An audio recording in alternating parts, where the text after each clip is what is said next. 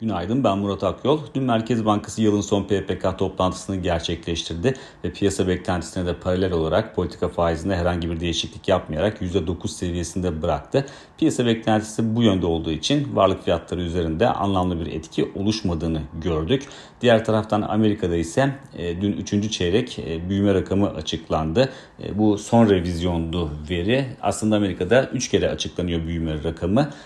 İlk veriden sonra 2 tane de revizyon geliyor geliyor. Dünkü veri ikinci ve son revizyon niteliğindeydi. Geçmişe dönüp baktığımızda aslında son revizyonlarda çok anlamlı bir değişim olmuyor. E, dolayısıyla piyasa beklentisi de %2.9 olarak açıklanan verinin bu seviyede kalacağı yönündeydi ama böyle olmadı. %2.9'dan %3.2'ye revize edilen bir büyüme vardı dün. Bu da zaten e, piyasalarda baskı oluşturan bir unsur olarak çalıştı. Çünkü Fed'in ortaya koyduğu tabloyu e, destekleyen bir zemin yarattı veri.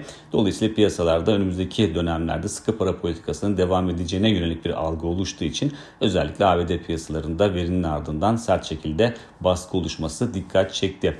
Diğer taraftan e, haftalık işsizlik maaşı başvurularına baktığımızda belki haftalık veri olduğu için çok önemli değil ama e, dünkü veride hem 4 haftalık e, ortalama geri çekildi hem de devam eden başvuru sayısında bir geri çekilme söz konusuydu. Dolayısıyla bu da istihdamın aslında kuvvetli olduğunu gösteren bir veriydi. E, istihdamın kuvvetli olması da aynı zamanda enflasyonu da besleyen bir unsur olduğu için bu verilerin birleşmesi aslında e, çok da etkili olması beklenmeyen verilerin e, birleşmesi e, dün e, piyasalarda yurt dışında satış baskısı oluşmasına neden oldu.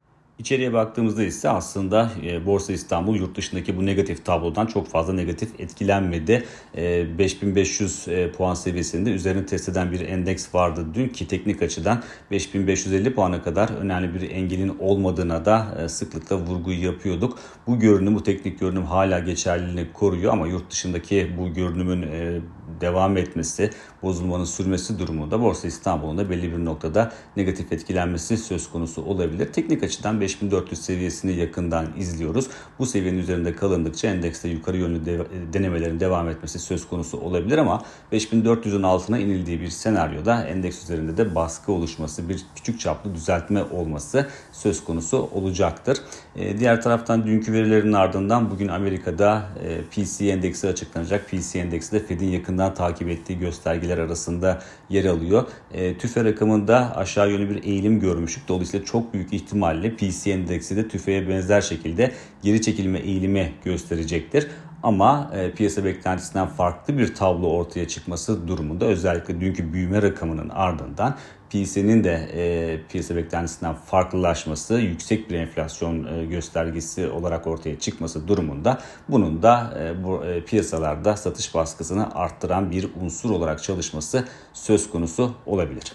Bir sonraki podcast'te görüşmek üzere.